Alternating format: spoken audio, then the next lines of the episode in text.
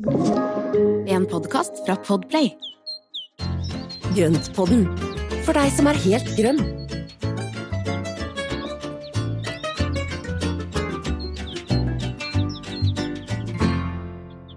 Hallo alle sammen, velkommen til Grønnpodden med han Espen og Marianne. Hei, Marianne, og god bedring. Ja, men takk. Tusen Det takk. har, eh, den var seig, denne her, altså. Ja, den er så seig. Nå er jeg så mye bedre enn det jeg har vært. Altså, jeg, jeg, vi sendte, la ut, eller jeg la ut en melding om at eh, ukas episode blir litt forsinka pga. forkjølelse. Jeg var veldig diskré på hvem som var forkjøla av oss. Ja. Det er sånn det avslørt nå. Men vi har fått veldig mange hyggelige meldinger på Instagram fra andre som også har blitt forkjøla. Så det er tydelig at her er noe som eh, svever rundt eh, overalt her. ja, men det er mange som er syke nå, og det tar tid. For at det er ja. Altså, man blir liksom går ordentlig i, i, i hvilemodus, altså, eller blir tvunget inn i hvilemodus. Så Ja. den beste medisinen er jo hvile. Ja, absolutt. Og vi har til og med testa for korona, det var ikke det. Det var bare en real gammeldags eh, forkjølelse. Så mm, Ja. ja. Men vi har jo da eh, noe helt annet som vi skal snakke om i dag. Vi skal snakke om så mye annet, så vi har ikke tid til å drive og snakke om forkjølelser. Du ser frisk ut, kan jeg da nevne i forbifarten. Du har holdt et foredrag nå i formiddag, og ser ut som du liksom har litt sånn energi fra det. At du er litt sånn fornøyd. Ja, det gikk bra. Det var kjempegøy og veldig morsomt, og det handlet rett og slett om merkevarebygging i sosiale medier.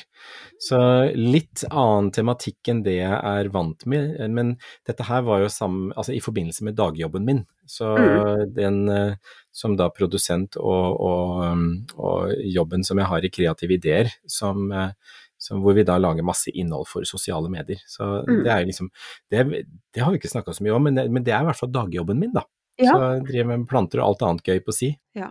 Og så er det veldig mange gode ideer i kreative ideer, så det er absolutt noe som er verdt å følge. For det, det det er stor spennvidde også på hva dere har tanker om. Enormt, ja. Og Ja. det er jo alt som kan gjøres i hus og hjem, altså DIY. Det er Mm. grønt, og det er planter, og det er baking, og det er strikking, og det er alt som man kan da gjøre med hendene og, og, og leke med av materialer og sånne ting. Mm. Eh, og på tvers av alle flatene eller alle kanalene våre, så har vi jo 640 000 følgere, så det er jo enormt mange mennesker Ja. som er interessert i DIY-prosjekter. Gjør det selv. Ja, Kjempegøy. er veldig, veldig gøy. Absolutt verdt Mm. å følge. Men du, i dag eh, så skal vi altså rett og slett ha spørretime. Ja, Um, og vi har fått så mye spørsmål. det er så mye det var spørsmål. Fordi at jeg la ut her en dag, altså, så var, Vi hadde jo fått inn en god del spørsmål allerede, og så tenkte jeg at nei, men vi må jo minne folk på det, for at vi hadde plass til noen til. Og vi har fått så mange spørsmål. Så nå er jeg liksom litt redd for at vi ikke får med alle. Men vi, vi skal virkelig gjøre så godt vi kan. Og så har vi da tenkt at dere, det er da Nina og Charlie Going Wild og Eh, hvem var det også da? Janita? Var det noen flere da? I hvert fall som hadde litt spørsmål som gikk på sånn overvintring og sånn. Mm. Det, tar vi, det tar vi jo snart i en egen episode. Ja, jeg vil sikte på neste uke, øh, sånn at vi kan da få det kanskje i neste uke. Skal vi gjøre det? Ja, jeg synes det, jeg tror det, det virker som det her er noe som veldig mange er opptatt av nå, så jeg tror det er smart også um, å komme med noen tips og råd der. Ja. Jeg får jo også mye spørsmål om det i mine egne kanaler, så jeg tenker at det Mhm. er, eh, det er jo tida for det. For det, altså, jeg skvatt jo litt her for et par dager siden hvor det datt ned på altså, sju grader om natta. Oi. Ja. Eh, det, og det svingte fra liksom T-skjorte shortsvær til høst. Og det kom brått og brutalt. Mm, og det er det det gjør. Vi blir Mm. like overraska. Altså, det jo, skjer jo veldig mye svingninger i, i temperatur og sånne ting nå generelt, så Mm. det er jo bare å, å være forberedt. Men så vi kommer altså tilbake til det um, neste uke. Så håper det går bra. Men skal vi begynne, da? Øverst. Altså det her blir Og Espen har tenkt han skal være litt sånn konsis og rask.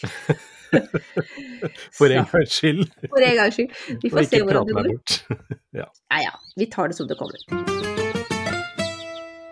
Da lar vi Janette, som bor i H4-H5, eh, starte balletten.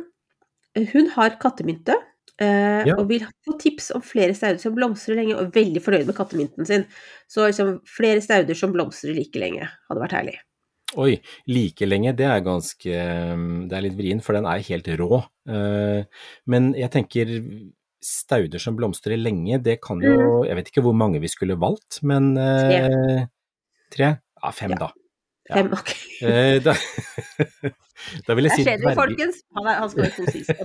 Ikke sant. Dvergslirekene, Dvergslierekene, eh, Bistorta affinis, den ville jeg ha tatt. Mm. Eh, Jeg ville tatt geranium, eh, spesielt Rosanne, som er en veldig lang blom, eller som har en veldig lang blomstring. Kjempefine blomster som eh, står veldig bra. Eh, Og så er jo da høstorm... Nei, ikke høstormedrue, den er også veldig fin, den har ikke så lang blomster, den kommer veldig sent.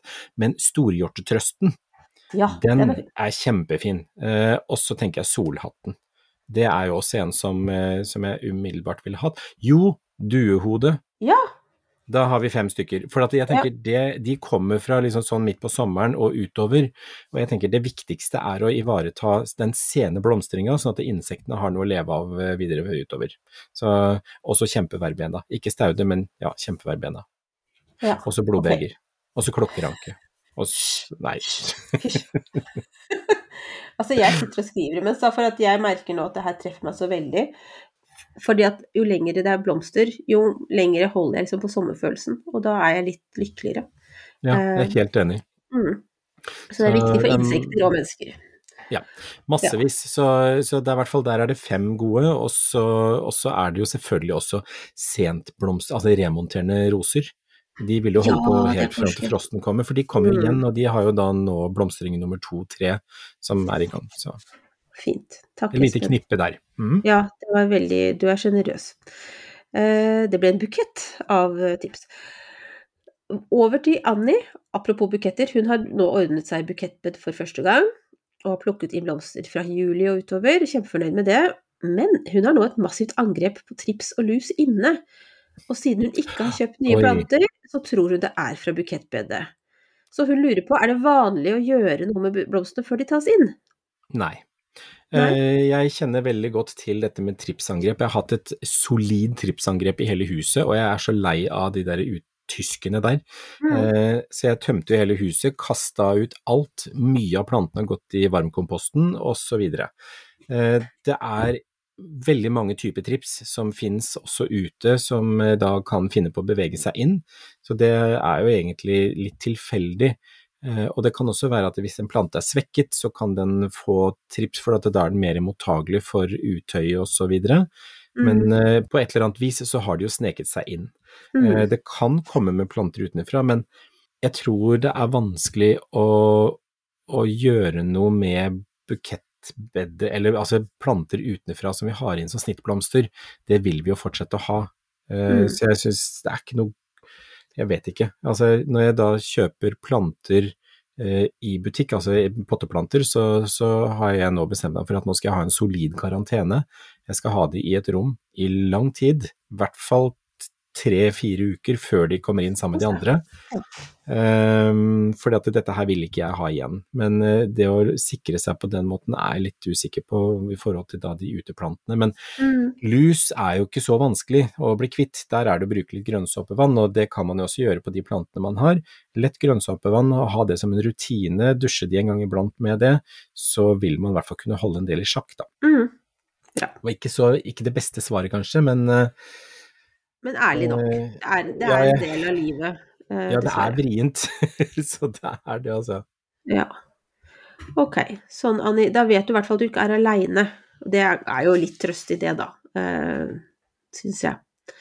Men, vi se. men jeg kan jo bare kjapt si, det er jo, Ja. men du må jo alltid se over altså det du tar inn. Så det er jo en ting man kan gjøre, det er å se over. Se nøye på bladene, bruk gjerne lupe, eller jeg for min del må bruke lesebriller, for å se liksom etter, er det noe småkryp som er synlig. Eh, Se på bladene at de ser friske ut, se etter at det er liksom friske og sunne blomster du tar inn. Er Mm. det, er det skada blader som er seere som er angrepet av noe, så er det kanskje greit å ikke ta inn. Det Ja. kan være første steg. Ja, apropos det. Nei, jeg kan nå begynne med digresjon. Det her er den eneste digresjonen jeg skal komme med, og den har litt med det å gjøre. Altså, jeg, bare, jeg, er, jo, jeg er jo veldig glad i, i uh, uh, Nå står det Silje Blomkarse. Ja. Uh, og, og den har stått så frodig og fint i bedet her oppe ved huset, og så plutselig Så er det liksom masse sånne små larver som driver og krabber rundt. Så jeg bare Oi. ser sånn Du vet noen ganger som man bare går fort forbi, og så tenker man ikke på det.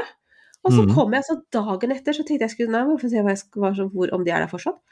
De var ikke der, men det var heller ikke bladene. Og de har spist opp alt sammen? Spist opp alt sammen. Så, så blomstene sto igjen og var liksom litt nakne uten blader. Så, Ja, det skjønner Ja. jeg. Faen. mm. Ja, de er veldig sultne når de setter i gang disse utøya, altså de der larvene spesielt. De, eh, jeg har hatt det på blodbegeret, og de, de spiser fort, og de spiser mye. Ja, Det var li de. Lille larven aldri mett var på besøk hos meg. Så, Ja. Sånn er det. Mm. Nei, nå skal vi gå videre til Randi, som snart gir opp agapantusen. Og ikke gjør det. Nei, tredje året uten blomstring. Har ikke skiftet krukke, har gjødslet gjennom hele vinteren og lar den stå i full sol. Noen råd? Ja. Eh, Jeg vil aller først ikke gi opp. Eh, Agapantusen er litt sær og kan være litt vrien. Det som jeg tenker, siden den er gjødslet gjennom hele vinteren, så lurer jeg på om den ikke har fått vinterdvalen som den trenger for å, å rett og slett sette i gang med blomstring. Fordi en del planter trenger vinterdvale og en kjøligere periode for å etablere blomsteranleggene. Og eh, det som er lurt med agapantusen, det er å få den ut tidlig, tidlig på våren, altså når det er frostfritt. Eh, og begynne å vanne den opp, gjødsle den, og det som er viktig er å få god vekst gjennom sommeren, før den går inn i hviledval, altså inn i dvale- og hvileperiode på høsten, før frosten kommer, og så inn og sette den kjølig og tørt. Mm. Og da, sånn som med mine agapantuser, så slutter jeg å vanne de eh, da, og de får ikke noe vann før i april igjen, Nei. når de skal ut. Mm. Ja, så det er en ganske lang periode der de står mm, og sover. Ja, og Da står de på Mm. mellom fem og ti grader, og, og det gjør jo at da vil jo mye av bladene visne tilbake igjen og sånne ting, men da som regel så kommer de inn med blomster. Men eh, alternativ to er at hvis potten, altså de liker å stå trangt, men blir det for trangt så, så vil de slutte å blomstre. Ja. Eh, og det ser jeg på en av mine eldste som da ikke har vært potta om på nå snart syv-åtte år. Eh, den kom ikke med blomster i år, så den eh, burde, ja det kom jeg på nå, det burde jeg ha delt, det har jeg glemt. Og så satt de i hver sin potte, sånn at jeg hadde delt den i to og gitt den litt mer plass, sånn at den kan begynne å bygge seg opp igjen. Ja, for jeg gjorde det i våres med en av mine. Er ikke blomster i det hele tatt i år, men jeg har fått masse grønne blader. Jeg, jeg bare tenker, jeg håper at det betyr at den kommer sterkere tilbake neste år. Ja, Det gjør det helt sikkert, for at det god vekst og, god, og godt med bladverk, det gjør at den setter mye sideskudd, og da, da liksom, den bygger seg opp og bygger opp kreftene. Med da en hvileperiode så vil knoppene etableres, og så blir det mye blomster til neste år. Mm, Bra. Da, vi, da satser vi på det, Randi, du og jeg. Det her klarer vi. Men ikke noe gjødsling gjennom vinteren. Da lar vi dem bare stå og kose seg. Da skal de hvile. Da er de over på Nina. Klokkeranke. Hvor lenge skal de henge før jeg samler frøene? De har store grønne klumper nå. Veldig gøy. Og jeg har vært ute og sett på mine egne i dag, faktisk. Og det er de, de der store, fine frøkapslene. De er så fine når de henger der. Eh, Jeg lar de alltid henge helt fram til siste slutt, før frosten kommer. Eh, Når temperaturen begynner å nærme seg to-tre grader, da tar jeg det inn. Ja, De tåler såpass. ikke frost. Ja, så hvis de får Mm. frost, så, så blir de ødelagt. Men så lenge som mulig, for at så lenge de henger på planta, så vil frøene utvikle seg, og da får du mest mulig spiredyktig frø. Mm. Så det å la de henge så lenge som mulig, og så klippe de av, ta de inn, og henge de til tørk, eller legge de til tørk, og hele tiden vende på de så de får luft rundt seg og ikke blir mugne, så sprekker de opp i løpet av noen uker, og da har du masse, masse, masse fine frø. Bra. Nina kommer også med tips som vi må ta med. Det gjelder også frø og samling av frø. Hun bruker teposer, altså de Ikke sånn teposer som Oi. kommer med en Men du vet sånne når man skal lage sin egen te, og disse mm, Litt større. Ja. Ja. altså teposenes svar på kaffefilteret, på en måte. Ja, da, så, så det blant annet med samler eh, fra kjempeverbenaen. Henger under litt Det var smart. Var Ja, det var smart? ja, veldig. Og de er jo så fine i Altså, de er så fine i, og luftige, så det er, det er kjempebra. Ja, det var godt tips. Ja, veldig lurt. Jeg skal på tebutikken og handle teposer, det vet jeg nå. Ja. Ja, det skal jeg også. Jeg har bare noen få igjen, så nå, nå må jeg kjøpe nye. Mm. Det er bra. Margrethe. Eh, hun har nå fokusert litt på at det nå er litt salg på, Mhm. på plantebutikkene. Og hva lønner det seg å kjøpe nå, og hva er det bedre å kjøpe til full pris i mai og juni? Hun bor i sone fem. Ja. Eh, der- tenker jeg. Er Ja, jeg tenker også stauder. Ja, stauder, busker og trær, vintergrønt, alt det som er flerårig ute. Ja. det er fint å kjøpe, for at høsten er en super tid å plante på. Det å plante nå, det er egentlig kjempefint, for at da er plantene de er gått, i, altså de er gått inn i hvilemodus, øh, og det går langsommere. De driver og etablerer seg på, på nytt sted hvis du flytter på dem nå. Så september-oktober er kjempefin tid både å plante, flytte, dele, gjøre alle de tingene der. Eh, For da har du også stabil temperatur, det er ikke bladverk som da liksom krever mye av røttene, og da Mm. får røttene fullt fokus til å liksom etablere seg og utvikle seg godt. Så alt som er flerårig, tenker jeg. Så når du kjøper på salg, så ville jeg ha tatt og løfta opp og sett på røttene at det er friske, fine røtter, for eh, planta over jorda, den behøver ikke se så fin ut, den kan være ganske sliten, men hvis røttene er friske og fine, med lyse, fine skuddspisser osv., da er det bare å kjøpe. Supert. Bra. Godt tips. Vi vet jo alle kommer til å Jeg håper alle setter av litt av lønninga si. Månedene fremover nå, og så gå og handler jeg veldig. Det lønner seg i lengden, vet du. Jeg skal i hvert fall ut, for det er jo også det hvis du har planer om å fylle et ben, og så preppe det, gjøre det klart nå, og så, og så venter man da på salget. Så, og det er, mange steder har det begynt allerede, og enda bedre blir det. Ah, herlig. Ja, vi skal Jeg vet hvor vi skal eh, handle inn til. Vi skal ha det Vi har jo denne passasjen ned til der vi har sånn bolbane i, i skogen. Det er et sånn halvskyggeområde. Der må vi bygge opp litt for å liksom og det er jo trestammer der og sånne ting, og det er jo litt vekster der fra før, men vi tenkte vi skal få liksom litt sånn at det blir litt sånn mer skjerma. Mm. Så, Det er så mye fint for halvskygge. Å, det er så mye Ja. fint. ja. Og hadde du lyst på å komme med noen tips, da? Ja. Nei, jeg skal ikke Og Joa, nå må du nesten gjøre det, for nå har vi begynt. Nei, men det er jo også en eh, er, Jeg tenker på en eh, skygge, skyggelilje. Hva er det den Ja. heter? Trik, trikyrtis. Eh, er fantastisk. Og det er en Den er sentblomstrende, kjempefin. Men for halvskygge så har du også disse her tidligblomstrende woodland-plantene som Mm. denne lønnvalmuen, denne eh, Og du har anemoneller Altså det er så mye fin woodland. Vet du hva, vi skal ha en egen episode, vi, om sk- halvskyggeplanter. Ja, men det kan vi gjøre. Det skal vi ha. Ja, fordi at jeg også satt opp, for det var en, en av dere kom også med et helt spørsmål om eh, sol, halvskygge og skygge. Jeg tenker, mm. kan, kan vi ikke ta en episode Vi har snakka om det før, men jeg tenker det, kan, det er noe som folk lurer på. Vi tar en episode om det. Hva vil det si? Ja. At det er de ulike forholdene. Hva vil det si, hva trenger de, og så skal vi sette opp en god planteliste. Ja, bra. Da er vi enige om det. Da går vi videre til Kristin, som mm. altså lurer på hvordan hun kan skaffe seg flere georginer ved hjelp av frø og stiklinger. Her har jeg skrevet kanskje en egen episode, jeg. Eh, Ja. Fordi vi har også Hilde som lurer på om vi kan gi noen tips om georginer som blomstrer tidligere enn de fleste, eller litt senere enn de fleste. Nei, det her blir Ja. jo en georginepisode, Espen.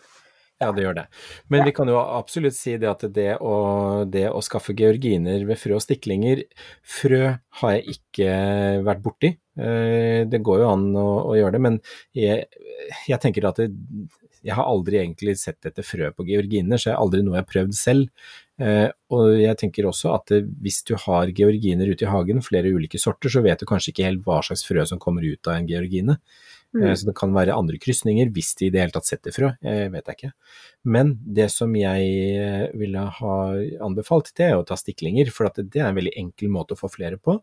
Eller dele knollene, eller begge deler. Fordi Mm. tidlig på våren så kan man legge knollene til driving, og så kan man dra av skudd når den begynner å liksom få litt sånn ordentlig eh, cellevegger og være litt mer solid, så kan man dra, skjære av eller dra av en liten bit av det med en bitte liten bit av rota, og så ta det som stikling.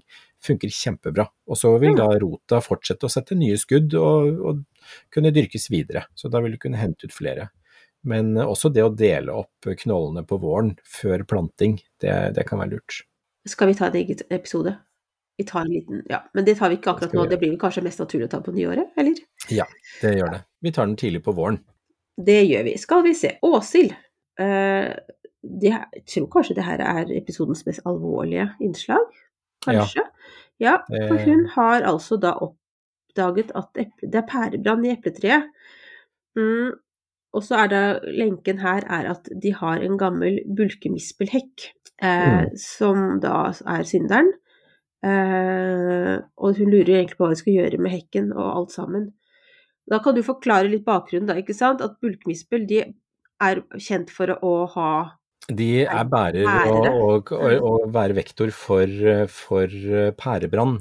Mm. pærebrann det angriper jo eple- og pæretrær og andre i rosefamilien, og det er noe man ikke har lyst til å ha. Det, og nå er det jo ikke noe, det finnes jo ikke noe sprøytemidler og sånne ting heller, så det ting blir veldig veldig ødelagt når det kommer. Og det kan ødelegge store områder både for fruktdyrker og andre ting, så, så det, er, eh, det er ikke bra. Eh, og det er jo da denne kotoneaster Cotoneaster bullatus, som den heter. Eh, Nå Mm. er det en del av disse cotoneasterne eller misplene som også er eh, invasive, så det er flere av de som da er ute av markedet. Eh, Men denne som heter eh, bulkmispelhekk, eller bulkmispel, den, den er jo da bærer av pærebrann. Men det Mm. som, det som jeg Det er jo helt forferdelig, men den burde bare fjernes og brennes og ødelegges, destrueres hele greia, og sånn at man da får fjerna all mulighet for smitte, og så planta inn noe nytt. Og da kan man ta kontakt med Mattilsynet eventuelt, og så høre liksom om det er noen muligheter å få noe hjelp eller noen noe, føringer for det der. Mm. Men eh, det, jeg tror kanskje det er veien å gå, å starte rett og slett på nytt. Og det er veldig synd, for at da ødelegger man jo kanskje et veldig etablert og fint område, men jeg tror det kanskje kan være beste, beste måten å fjerne alt og starte på ny til å, å ha en eh, pærebrannfri hage. Eh, Ja. Og så er det jo sånn, liksom, for jeg huska ikke navnet på den, men den pærebrannbakterien er jo da Ervinia amylovora. Høres mm. fint ut. Høres Ja. ut som noe gøy fra Star Wars, ikke sant. Det er jo sånn eh, Ja. en eller annen prinsesse i Star Wars, men eh, Ja, der gjør den sånn så mye ugagn. Ja, Ja. så Jo, gjør den bare så mye faenskap. Det er litt sånn der, litt sånn eh, Hva skal du si, ja? Den litt sånn, litt sånn eh, Den adelige skurken i en eller annen film. I James Bond. Ja, for det er en skurk, og det Ja. er jo ting som kan eh, Og det, det er så viktig at man da ikke flytter på planter som da kan inneholde smitte og, og, og, og sånn. Og dette her er jo noe som har, eh, har, har spredd seg, som man da prøver å begrense. Men dette er, altså det er en liten digresjon fra min side, men det er, dette her er også en av grunnene til at man ikke skal plante eh, frø og grønnsaker og ting som man kjøper i butikk. Sånn som tomatfrø, eh, plante hvitløk, som nå er, det, nå er det jo aktuelt å plante hvitløk. Ikke plante hvitløk som man kjøper i butikk, fordi det kan være smitte av ulike sorter som man ikke har kontroll på, som kommer ut i egen hage. Så ting som skal vokse ute i naturen og ute i egen hage, ikke bruk det som ikke er sertifisert. Det må være sertifiserte eh, settepoteter, hvitløk som er sertifisert, frø som har vært gjennom kontroll for sykdom. Ja. Så, Og da får vi bare skynde eh, oss å si at Åshild er helt uskyldig her, da, for hakken, hakken ja. Hekken den sto her lenge før de overtok Ja, eiendommen. ja, bare, men, men generelt, altså absolutt kjempeviktig poeng. Fordi det er så lett Men- at det kommer noe dritt i, i, inn i naturen. Øh, Og det er jo også, det er absolutt ikke hennes skyld, for at det, er jo også noe med at i gamle dager så planta man jo masse ting som egentlig ikke er lov nå. altså Man gjorde, Mm. gjorde det, og så har det jo i senere tid blitt øh, øh, begrensninger på det. Altså Den bulkmispelen den er jo ikke i salg lenger, og den er jo fjerna fra markedet i Norge. Så det er jo en del planter som vi i gamle dager brukte som prydplanter, som nå er fjerna. Rett og slett fordi at de er invasive, eller er bærere av sykdommer som da kan spre seg videre. Mm. Jeg ble litt usikker på om vi har det et eller annet sted i hagen vår. Jeg, jeg må gå og lete litt. Jeg, nå. må du sjekke. Må jeg sjekke. Det er ulempen med å ha, ha, ha en hage med veldig, veldig mange vekster. Ja. Nok om det. Åshild, vi håper det ordner seg. Eh, Litt spennende. Og skulle ønske vi hadde hatt noe bedre nyheter Ja, å komme med, altså. Ja, Ja. absolutt. Nei, men nå skal vi gå til enda en Kristin. Det er ikke samme Kristin som i stad, men hun har en ginkgo som Ja. Den står fritt i full sol, men bladene krøller seg og er gule i kantene. Og så sier hun også at, eller sier at Stauden månestråle, som da står i nærheten, har også en tung sesong. Bør begge flyttes. Dette er i H1. Mm. Eh, litt vanskelig å si med ginkgoen, for at H1 burde ikke være noe problem. Da, da er klimasonen er helt innafor. Jeg Mm. ser jo på min egen ginkgo i år også, er begynt, og den har stått der nå i 15 år. Den er også litt sånn gul i kantene, litt krøllete, ikke, den er ikke helt på topp. Og jeg tror, sammen med månestrålen, som for øvrig er en fantastisk vakker blomst, men jeg tror at det eh, som har vært med denne sesongen, er at det var ekstremt varmt og tørt første del eh, når de skulle komme i gang og etablere seg, og så ble det veldig kaldt og vått. Så det har jo vært en sånn eh, sommer som ikke har helt spilt på mange planters eh, lag. Eh, så jeg tror jeg ville ha, ha sett det an en sesong til. Eh, og sånn som med Ginkgo biloban, så er det også noe med at jeg vet ikke hvor lenge den har stått der. Har den, er det første sesongen, eller er, det liksom, er den i etableringsfasen? For hvis det er det, så kan det ta et år eller to før den da liksom er etablert rotnettet til å komme ordentlig i gang med veksten. Mm. Så, så hvis den er helt fersk, så ville jeg i hvert fall ha latt den stå. For fritt i full sol høres kjempefint ut, egentlig. H1 tipp topp. Eh, de klarer seg med det meste av, av, av, jord, altså jordtyper, så ja. Altså jeg ville bare sette an, jeg. Ja. Ja. Det er som du sier, det har vært en rar sesong, det her. Mm. Så det er mulig at det, det er flere som har litt rare planter og busker og trær rundt omkring. Og noen ganger så er bare naturen litt slem, altså.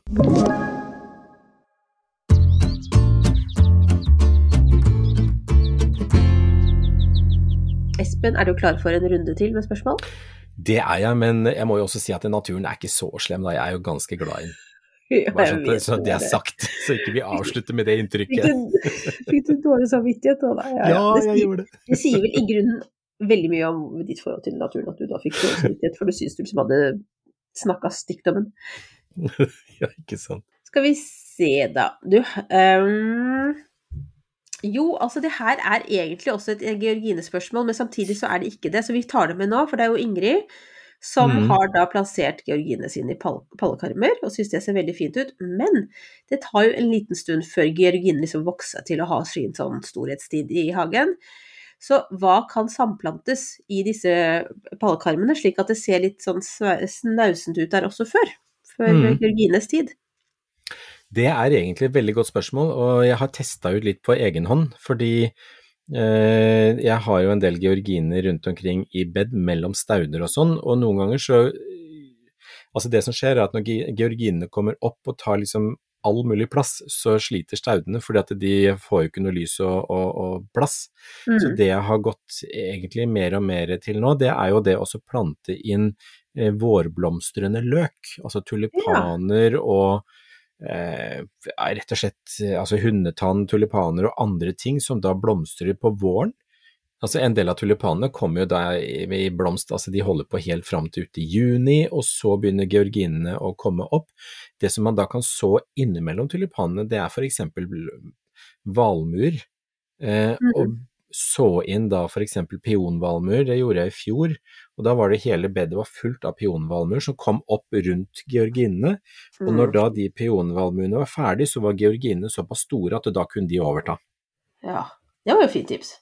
Så det er litt mer jobb å hele tiden justere dette her, men da tenke da sommerblomster, eh, ettårig sommerblomster mellom, vårblomstring først, ettårig sommerblomster etterpå, og så vil georginene kunne overta. Og da kan du også bruke nigella, altså jomfruen i det grønne, eh, eventuelt noe tagetes, kornblomster, Mm. ting som da bare er greit at det bare blir overkjørt av georginene når de setter inn for fullt. Så det er altså da løk, frø og knoller. Mm. Det er der vi er. Ja. Jeg syns også staudene har vært litt sånn vriene, fordi at de blir liksom Georginene de breier seg over alt når Ja. de først kommer på sensommeren. ja, da blir det litt ugreit å være staude, rett og slett. Ja. Da kan du heller ofre de eh, ettårige sommerblomstene, da. Mm. Og så er det veldig fint innimellom georginene å sette inn kjempeverbena. Oh, For at de kommer opp i ja. omtrent samme høyde, og det har jeg gjort noen ganger, og det er veldig fint. For at da kommer de opp, og så vil de eh, seile litt innimellom, eh, innimellom blomstene på, på georginene. ja. Hvorfor snakke om kjempeverbena når vi kan snakke om så mye? Jeg traff et litt sårt punkt hos deg nå. Det er så, det er så, det er så, jeg har ikke pokeransikt, jeg så bare synes med en gang. Men jeg med, med, vi har snakka med vår kjære Pernille, som Mm. har gjort stor suksess med kjempeverbena i år. Veldig stolt av det. Um, og hennes tips, for hun har vært bortreist veldig mye av sommeren, Mm. uh, men de har blitt så store og fine uten at hun har gjødsla eller noen ting. Ja. Men hun sa at for min er jo da, som jeg har fortalt før, blitt veldig høy, men litt Mm. sånn slank. Eller Ja. ikke slank, men det er, det, er, det er godt med luft mellom hver stilk. Og Lett du- beinbygning. Du kan si det sånn. Den er den slankeste i familien. Ja. Eh, og, men i hvert fall så sier Pernille men, vi fant ut at i hvert fall min, min, mine har jo stått under tak på verandaen. Og at kanskje det skulle hatt mye vann. At det, så Ja. nå, skal jeg få nå skal jeg flytte den ut, og så skal den stå sammen med alle de andre pottene mine ved kjøkkeninngangen. Og så Mm. skal jeg bare gi den godt med næring, og bare håpe at det regner skikkelig noen dager. Men jeg, jeg var ikke klar over at den sto under tak. Det har, det har ikke jeg fått med meg. Det har ikke jeg fått med meg. er det veldig varmt? Jeg visste ikke at det var, det var veldig pent. Det har sett veldig Ja, pent sikkert. Men, eh, men eh, da skjønner jeg hvorfor. For den jo, den jo, liker jo nedbør, og den liker jo godt med vann også, så den, den trenger jo alt den kan få. Så, spark, altså. Hvor mange feil går det an? Altså, det her er verbena skritt for skritt, holdt jeg på å si. Eller musesteg for musesteg. Yes. men, men alt dette her, det er erfaringer som du tar med deg til neste år, og så tenker jeg at neste år så kommer du til å bare rule kjempeverbenaen. Det er takk. Yes. Mm. Vi satser på det. Så 2024 om- 2024 er ditt år. Å, jeg satser på det. Åh. Nok om det. Men jeg skal huske på det her også, Espen. Nå er det Ja. både vann og næring. Det er gud hvor mye disse plantene skal ha, egentlig. Altså. Ja, ikke sant? Det Krever store, store forlangende. Ja vel, stakkars. Skal vi se. Vi går over til jo Ane, vi. Det er enda, det her er også litt alvorlig. Det er altså da en syv år gammel eh, som ser syk ut. Bladene krøller seg og er misfargede, og de ytterste bladene har noen greiner som er røde. Kan treet reddes, og hvordan?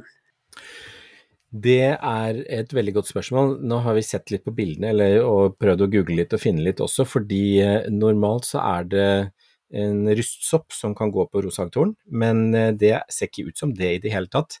Nei. Hva som har gjort at de har misdanna sånn, det er ikke godt å si, altså. Så rett og slett vet ikke. Eh, Men det som er med de røde bladene som, som er på den nye veksten, det kan bare være så enkelt som at det er temperaturforandringer, eller at et tre på en eller annen måte er stressa, eh, og at det er bare ny vekst som da har en litt annen farve, som da vil bli grønn når den er ferdig. Eh, Men det jeg kan anbefale når man da er usikker på om det er noe sykdom som kan smitte videre, det er at når bladene faller av, så er det greit å fjerne alle bladene og brenne de opp. Ikke putt det tilbake i kompost, og ikke la det ligge eh, under treet og, og liksom formulles og bli der, værende der. Så jeg ville ha fjerna alle bladene når da de faller av, og så ville jeg destruert de. Eh, og det er jo en, en måte å ikke tilbakeføre hvis det er noe sykdom som kan gå på. Mm. Og rosehagdoren det er jo en, den er jo i rosefamilien, så den, den, det er jo en del ting som kan gå på den som Jeg, jeg vet ikke alle sykdommene, så det, det, veldig, det kan være mange ting, da. Mm. Du, litt hyggeligere. Elisabeth har helt nytt drivhus. Nå har hun jobba med det i hele sommer, så det er ferdig, var ferdig nå i august. Og hun vil jo bare dyrke. Men forstår at hun har kommet litt seint i gang sånn sett. Hun lurer på, er det noe som kan dyrkes fremover? Det, altså man kan kalså, man kan dyrke ting inni der fortsatt. Det kommer litt an på om du har tenkt til å um, eh, ha varme i det på vinteren. For hvis Mm. du skal ha varme i det på vinteren, så kan du dyrke egentlig hele året. Da kan du ha ting der inne som, eh, som kan stå til overvintring f.eks., og fylle det opp med, med alt fra pelargoner og sitron og oliven og alt det som da ellers eh, ikke tåler frost, Mm. eh, hvis du holder det frostfritt. Men Ellers så kan man jo da kjøre hun en del altså vintershowing av diverse, Mhm. som da vil kunne spire når vårsola kommer. Ja. Så det er mulig å, å dyrke gjennom hele vinteren, men det kommer litt an på strømregninga og hvor mye du har lyst til å fyre i det. Mm. Men du kan jo gjøre litt nå utover. Jeg tenker på sånn ruccola og sånne ting. Det koser seg jo Ja, ja, ja. ja. Jo, Jo, sånn. det er liksom eh, nå, Det er fort vekk en to-tre måneder nå som kan Det er i hvert fall varmt på dagen, og så ting som tåler litt, grann, eh, litt kjølige netter, så går det helt fint. Men så går det jo også an å sette inn en sånn eh, liten termostat. Eh, altså sånn eh, termostat Jeg gjør jo det på drivhuset her, i siste delen fra egentlig fra oktober og ut til november. Så setter jeg på en termostat som slår på varmeovnen bare når det går under fem grader, f.eks. Og Det gjør at da behøver du ikke ha varme på hele tiden, men det er bare noe som slår seg på for å ta, ta, ta den verste kulda på natta. Mhm. Ja, altså bare, sånn, bare for å komme litt sånn i gang, så er det liksom prøve seg litt, tenker jeg. Altså, Ja, men det skjønner jeg jo, En god følelse, liksom. Ja. Ja, jeg ville også ha begynt med en gang. Jeg ville ha, jeg ville ha bestemt at det hadde vært en ny vår umiddelbart. Yes, absolutt. Herlig. I hvert fall gratulerer med nytt drivhus, og du sendte bilder, Ja. og det så veldig fint ut. Så det her kommer du til å få veldig mye glede av i mange, mange, mange, mange år fremover. Mm. Nå skal vi til Kjell. Han bor i H3. Han har lagd, eller lager, han holder på et, han har et rosebueprosjekt eh, med nydelig rosebue i eh, eik. Og så har han tenkt at han skal ha polsstjernen, Ja. eh, klatre den opp. Og den har han altså da stiklingsformert, det her er jo så nydelig, fra, hvis jeg forsto det rett, fra, fra foreldrenes eh, plante, som da igjen kom fra besteforeldrenes. Altså her er vi tilbake på 50-tallet, ikke sant. Mm. Altså, så så fantastisk. Ja. Ja. Og her har jeg skrevet 'hjelp, dette må jeg lese opp Instagram', for det, det var så langt. Så nå skal vi finne det. Skal vi se, Kjell, om vi finner deg igjen. Altså, unnskyld. Jeg skal ta et, Espen, du får synge en pausesang. Jeg må bare finne han, Kjell. Åh, Kjell, hvor har du blitt av? Av og til så har du så snausende sånne Instagram-navn òg, vet du, så jeg leter etter Kjell, og så heter han sikkert noe helt annet. Der! Nei da. Kjell heter Kjell. Her. Det er veldig langt. Jeg må forkorte det litt uansett, altså. Eh, han lurer for det første om han skal ha én eller to roseplanter vokst opp fra hver side av buen. Det er jo kanskje litt vanskelig å si sånn uten å ha sett på buen og sånn, men eh, Mm. hva sier du, Espen? Blir det for mye med to? Jeg er jo for litt ekstra, jeg. Ja, jeg også. Jeg tenker at det er ikke noe vits i at det skal være noe minimalisme her, så kjør på to stykk, sånn at det kommer fra begge sider, og da vil den fylle opp buen mye raskere, og så vil man kunne få da eh, altså grønt helt nedenifra på begge sider. For Mm. ellers så må den eh, over og ned, og det er veldig få planter som trives så godt når tingene henger nedover. Altså, Mm. I hvert fall opprettvoksende eh, planter. Ja. Det var del én av spørsmålet. Han skal nemlig matche dette her med litt klimatis. Han skal ha to ulike klimatis på buen, men han kan da ikke noe på, om klimatis. Han har lest seg opp en del, kan jeg si, ut fra disse spørsmålene som kommer nå. Men fra det jeg har lest, tenker jeg at en klimatis fra gruppe 1 og en fra gruppe 3 er smart. Da gruppe 1 vil blomstre før polstjernen, som blomstrer Mhm. blomstrer i juli, mens gruppe 3 vil blomstre etter. Og han ønsker altså forslag på to kultivarer fra henholdsvis gruppe 1 og 3, som vil se pene ut som Oi. polstjernen. Og den er jo Oi. hvit med kremfarget ytre, så han vil gjerne ha litt farger da, på de andre. Og gjerne Ja. duft, men utseende er viktigst. Det, det får du stå for, Kjell. Eh, og så vil det være nok med en klimatisplante på hver side av buen. Eller blir det too much med én rose og to ulike klimatis på samme buen? Jeg syns jo det høres herlig ut, jeg, da. Ja, det høres jo fantastisk ut. Ja. Eh, Men her har vi jo men For et prosjekt, og for Mm. en, eh, en mulighet. Å, herre min, hvor skal man begynne å velge? Uh, skal vi se. Jo, vet du hva.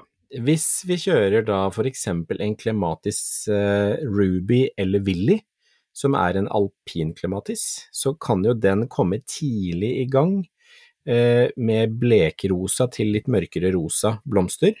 Mm. De er veldig fine, hengende form. Eh, Litt sånn sarte. Ja, litt sånn sarte. Eh, bare pass på at ikke den tar overhånd i forhold til rosa, sånn at for rosa liker jo ikke å ha for mye konkurranse om eh, både plass og lys og luft. Så Ja. det, er, det er ganske viktig. Eh, og så kunne Altså, jeg har blitt veldig glad i denne her Princess Diana-klematisen som, eh, som jeg har planta inn nå. Jeg hadde den før, og planta den inn i fjor igjen. Den har blomstra nå så fint hele sensommeren og Mm. helt fram til nå. Står den full Vakker. av små, skarpe, skarp rosa klokker. Eh, Mm. Og den er nydelig, for den er litt sånn sart i veksten, ikke for dominerende, men har disse her sånne kjempefine klokkene og blomstene. Mm. Lukter Så den man... godt? Jeg syns han skulle hatt litt god duft òg, jeg, da. Men det er jo, jeg har ikke vært borti så veldig mange klimater som dufter. Nei, det er ikke det, nei. nei For, det eh, for å være helt ærlig, så Mm. hva, hva meg bekjent, så er det ikke så veldig mange av de som dufter noe særlig. Jeg kjenner i hvert fall ingen. Nei. Nå har jeg ikke Ingen vært i framme og lukta på det. Jeg har, vært, har ikke vært framme og lukta på det heller, men det. Og jeg er så tett i nesa nå, så nå klarer jeg ikke å tenke meg at noe lukter. Nei, så det kunne være et alternativ da med de, med de variantene der, for da har du, da kjører du det i den rosa farvepaletten, og så har du en tidligblomstrende, så har du polstjerna som er kjempefin. Eh, den blir jo kjempesvær etter hvert, da, så det spørsmålet er liksom hvordan konkurransen blir mellom vekstene der. Eh, og det er jo da de, eh, de eh, kategori 1-klematisene, de blomstrer jo da på fjorårsved. Det gjør at da vil etter hvert bygges opp og bli ganske stor, så den bare Mm. tynner og passer på at ikke de konkurrerer og, og, og overdøver hverandre. Ja, ikke sant. Det er litt sånn fint, finlir, det her. Ellers har jeg funnet Mm. ut at det er noe som heter Clematis montana fragrant spring, Ja, som skal lukte litt deilig. Montanaen er er også veldig fin. Ja. Er det ikke den- ekte Er det liksom en Det er en type klematisk Det er klematisk Ja da. ja. Ja. Ja. det er det. Men den, den er ikke så hardfør, så det kommer litt an på, på, på, på herdighetssonen. Ja, for den er liksom to til tre. Eh, og det er derfor jeg er litt usikker på, på den, men den er nydelig, og den, eh, den blir kjempefin. Jeg vet at det, det er folk som bor i H3 til H4 som får den til. Eh, Mm. Jeg har ikke fått den til her hos meg, for den dør hver, hver gang jeg har prøvd den. Så det spørs litt hvor Kjell i H3 har lagd rosebuden sin, da. Om han har et mikroklima, for eksempel. Ja. Mm. Så er så Montanaen er kjempefin også. Så godt, eh, også et godt alternativ. Og et veldig fint prosjekt, og Polstjernen er så vakker. Den har jeg Mm. også lyst på. Uh, åh, ja, nydelig. Det høres veldig- veldig fint ut. Og veldig bra for insektene, for det gjør at det er åpne rose, altså åpne blomster på den. Mm. Mm. Så fint. Vi heier på rosebudprosjektet ditt, Kjell. Mm. Skal vi se Send, oss, send oss bilde. Ja, Send oss bilde når du, får, når du får dette opp å stå, for det har vi Mm. lyst til å se. Altså. Og det kan godt komme om en stund, altså. Når du føler deg klar for oss å skryte, så sender du et skrytebilde. Så Ja. er vi klare for å se det. Skal vi se, da har vi Solveig. Ser at mange klipper de gjenværende bladene på stiklinger tvers av. Hvorfor?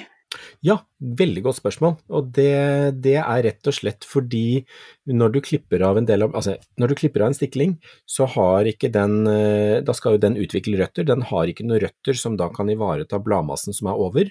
Derfor så bør bladmassen reduseres, og hvis de klippes av tvers på tvers, så vil ikke det bli så stor fordampning fra den stiklingen, og det gjør at da kan de bruke kreftene på å utvikle røtter, istedenfor å prøve å holde liv i det bladverket som ikke har, eh, eh, har egentlig noen stor funksjon når det skal settes, settes røtter.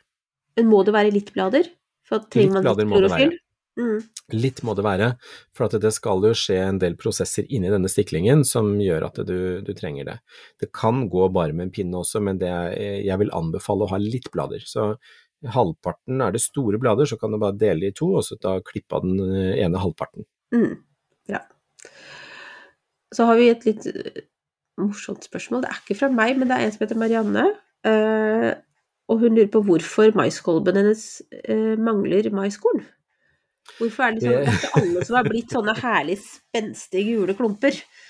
Nei, og jeg, det har vel med bestøvningen å gjøre, for at det, er jo noe med at dette, altså mais er jo frø, eh, og når du da har den der dusken ytterst på maisen, så er, jo det, så er det jo liksom en bestøvning av den der dusken, og det kommer jo inn, og så blir det da utvikling av hvert enkelt frø når det er blitt bestøva, tror jeg. Ja, Ja, eh, og når da ikke den er blitt bestøva, så blir det ikke noe mais. sånn er livet. Litt tøft, altså. Det er kjedelig å spise mais. Og så er det sånn, å ja. Her var det tre korn man kunne kose seg med. Vi har mais overalt på alle åkre rundt her, så jeg har så lyst på å gå på maisslang. Eh, Mm. Ikke gjort det ennå, for jeg må jo gå foran som et godt eh, forbilde for mine barn. Men det er altså mm, De er så klare for å høstes høste godt. Det er så Ja, det er så godt. Ja. Så har vi Marit. Staudehirse overtar plassen til kattemynten. Kan jeg ta den opp? Ja, sier jeg. Espen, hva sier du? Ja, sier jeg òg. Jeg tenker at her må du hjelpe de plantene som er mest eh, ivrig, og, eller du må, du må fjerne de som er mest ivrig, og hjelpe de som er svakest. Så det vil jeg ha gjort uten å, altså uten å tenke meg om. Det jeg ville bare rydda opp og holdt et skille, sånn at ikke den ene får over å utkonkurrere den andre. Ja. Og så håper hun da at det vil gjenopplive kattemynten.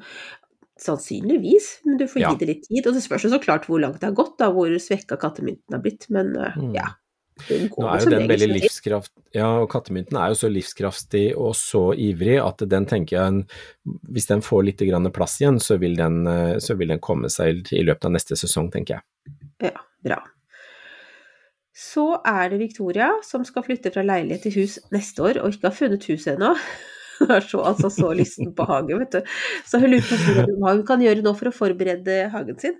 Altså jeg tenker jo, hvis jeg kan få lov til å begynne, så jeg bare tenker jeg begynner, og så se etter hva du liker. Altså Mm. hva, liksom, hvilken stil Bare kos deg med å se hvilke stiler du liker. Kjøp deg noen hagebøker, følg noen hagebloggere. Ja, Mm. gjør det. Ja, jeg er helt enig. Søk inspirasjon der du kan få, og så husk å notere det du finner som du liker. Ja. Enten om du tar bildene og så lager en kollasj med farver og former og sånne ting, og, og kan du gjøre det, samle på Pinterest, eller du kan Ja. legge det i et eller annet dokument, at du da samler i en mappe på telefonen for den saks skyld. Mm. Men ta vare på det du finner som du liker, fordi det er veldig fort at man tenker at ja, men det, det husker jeg til en annen gang. Nei, husker ikke det, for at det, der, det blir borte. Nå snakker jeg er erfaring. Det blir borte, og der, ta vare på det. Noter deg navnene på plantene du liker, og så, hvis du vet sånn cirka hvilket område du har lyst til å bo i, så kan du da Mm. peile deg ut klimasone, og dermed så kan du begynne å lete litt i den klimasonen, og da etter planter som tåler det. Mm. Og Så går det også an også, altså, men hvis du er veldig gira på det her, sånn, så er du kanskje også kan vi si, mottagelig for litt sånn nå gjør jeg sånn gåseøyne, men litt tyngre stoff, sånn som eh, altså skygge, sol, altså ulike vekstforhold i, som kan være i en hage, da. Så, så du er litt sånn forberedt på at, at du ikke blir kjempedeppa hvis du, eh, havner på et sted der du kanskje i utgangspunktet eh, ser at det må være andre planter enn det du opprinnelig hadde tenkt deg. Men at du Mm. tar det som en litt spennende utfordring, tenker jeg. Ja. Og være litt sånn åpen. Eh, finn smaken din, men se også mulighetene innenfor en sånn smak. Ja, men det er veldig godt poeng, Marianne. Og det er, eh, det er kjempelurt. Og også det når du da skal på visning og se etter dette drømmehuset, så, så tenk også gjennom at det, eller spør om det er godt jordsmonn. Se etter hva liksom, er dette plantefolk som har bodd der? Mm. Eh, hos meg så var det jo ikke en plante omtrent, Der var det jo, det var liksom skre, det var liksom ingenting. Mm. Eh, hos deg så var det jo masse. Du hadde jo Ja. alt mulig rart, og du finner jo hele tiden nye ting fortsatt. Mm. Så, så det er liksom det, det er det spennet fra en, å overta et hus med en hage hvor det ikke har vært noen ting, til et sted hvor det har vært masse. Så øh, vær bare sånn litt åpen og spørrende også i forhold til de du kjøper hus av. Mm. Og tenk også på sånn um, Det kan hende du har en drøm om at du skal gå liksom rett ut fra kjøkkenet ut i hagen. Altså, tenk litt hvordan du kommer til å bruke hagen, i for, altså forholdet mellom inne og ute, da.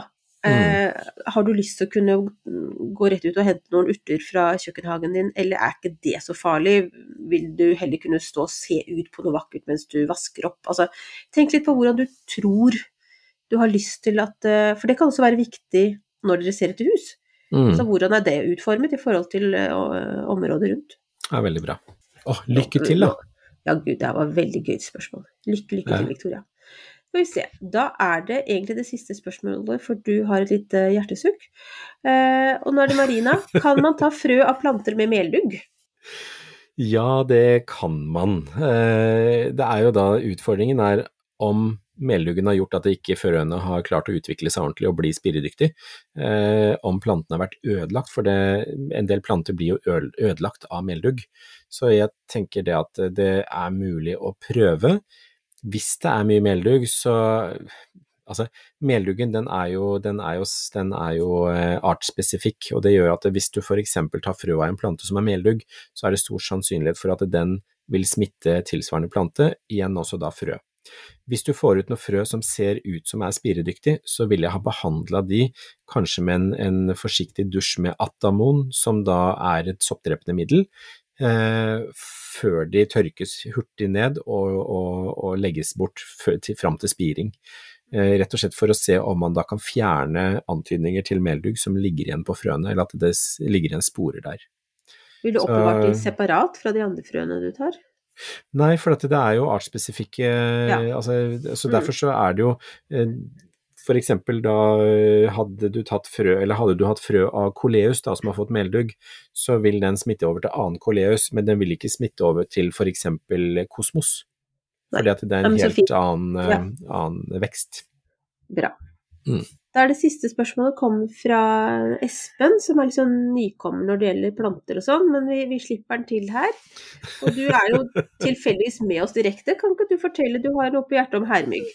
Ja, og det er vel ikke egentlig et spørsmål, det er bare litt sånn frustrasjon, og så får jeg veldig mye spørsmål om det. Mm. Uh, og det er hermygg. Nå når vi da tar inn planter som har vært ute, så kommer de inn, og så begynner disse hermyggene. Og det er, eh, eh, De kalles også frynsevinger, og de, kan, de flyr jo rundt og er så irriterende. De, de, Mm. det finnes ikke eh, intimsoner for dem, for at de er liksom helt oppi inni der hvor du puster, eh, og gjerne oppi maten din. Der, altså, nei, men det er jo så irriterende. Eh, og jeg får jo mye spørsmål om liksom, hvordan å fjerne de, hva, hva gjør man? Og det er ikke så mye annet enn f.eks. å sette opp limfeller. Eh, sånne gule limfeller som du da stikker ned i potta, det er ikke det mest snasende, men det funker, og da tar du de voksne individene. Eh, la plantene tørke ut mellom hver vanning, for at det, larvene de lever i gjerne de par øverste lagene av jorda. Eh, og hvis da jorda får tørke litt opp mellom hver vanning, så ikke det er jevnt fuktig, så for de plantene som tåler det, så er det en mulighet. Men i stor grad så kommer de litt fordi vi nå har mer og mer kompostbasert jord. Eh, ja. Og det er jo, de lever jo av råtnende plantemateriale og myke skuddspisser på røttene eh, og mykt plantemateriale lever de av. Så det er jo også litt utfordring nå når vi har, har, eh, har mer og mer altså utfasing av torv, så vil det måtte erstattes med noe annet, og det er kompostjord. Og der er det en del materialer som, som gjør at eh, disse her hermyggene trives og, og, og formerer seg noe voldsomt. Eh, og så er det også en del som sier at men eh, da bare bruke salovann og eddik og, eller vin eller sånne ting på benken. Nei, det funker ikke på hermygg, det funker på blomsterfluer, og det er to forskjellige ting. Ja, jeg har veldig mye blomsterfluer. Mm. Nei, blomsterfluer, sier jeg. Bananfluer. Bananfluer tenker du på? Ja, det er banan... har- ja. Altså, det, hermingen kalles for blomsterfluer, men jeg snakker om bananfluer.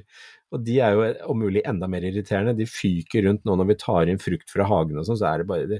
Og de kommer på to dager. Hvor kommer de fra? Altså, Jeg vet ikke, og de elsker alt som er sånn frukt som har antydning til sånn litt mykt. Da er det sånn Mhm. mm, her kommer vi. mm, Fest. Nei, det er Ja. Men uh, Ja. ja.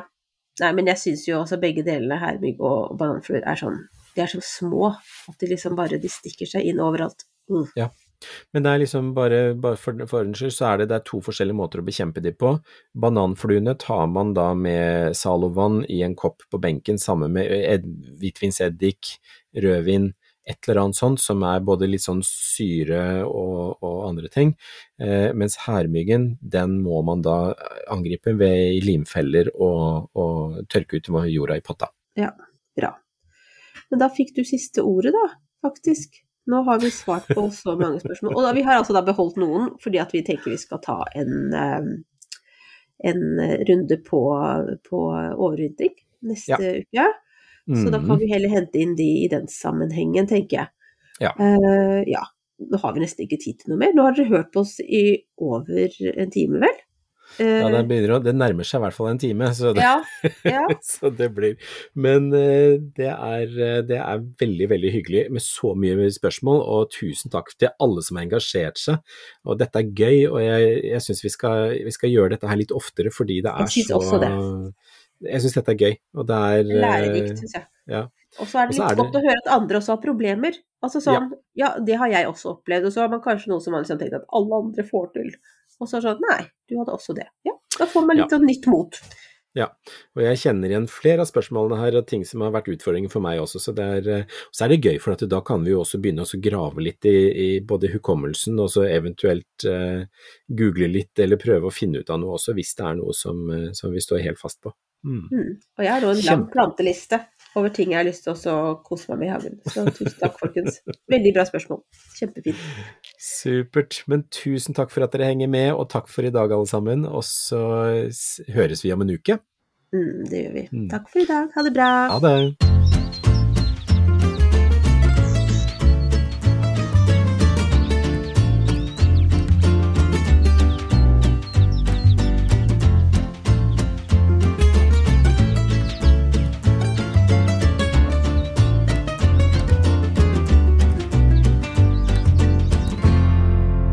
En podkast fra Podplay.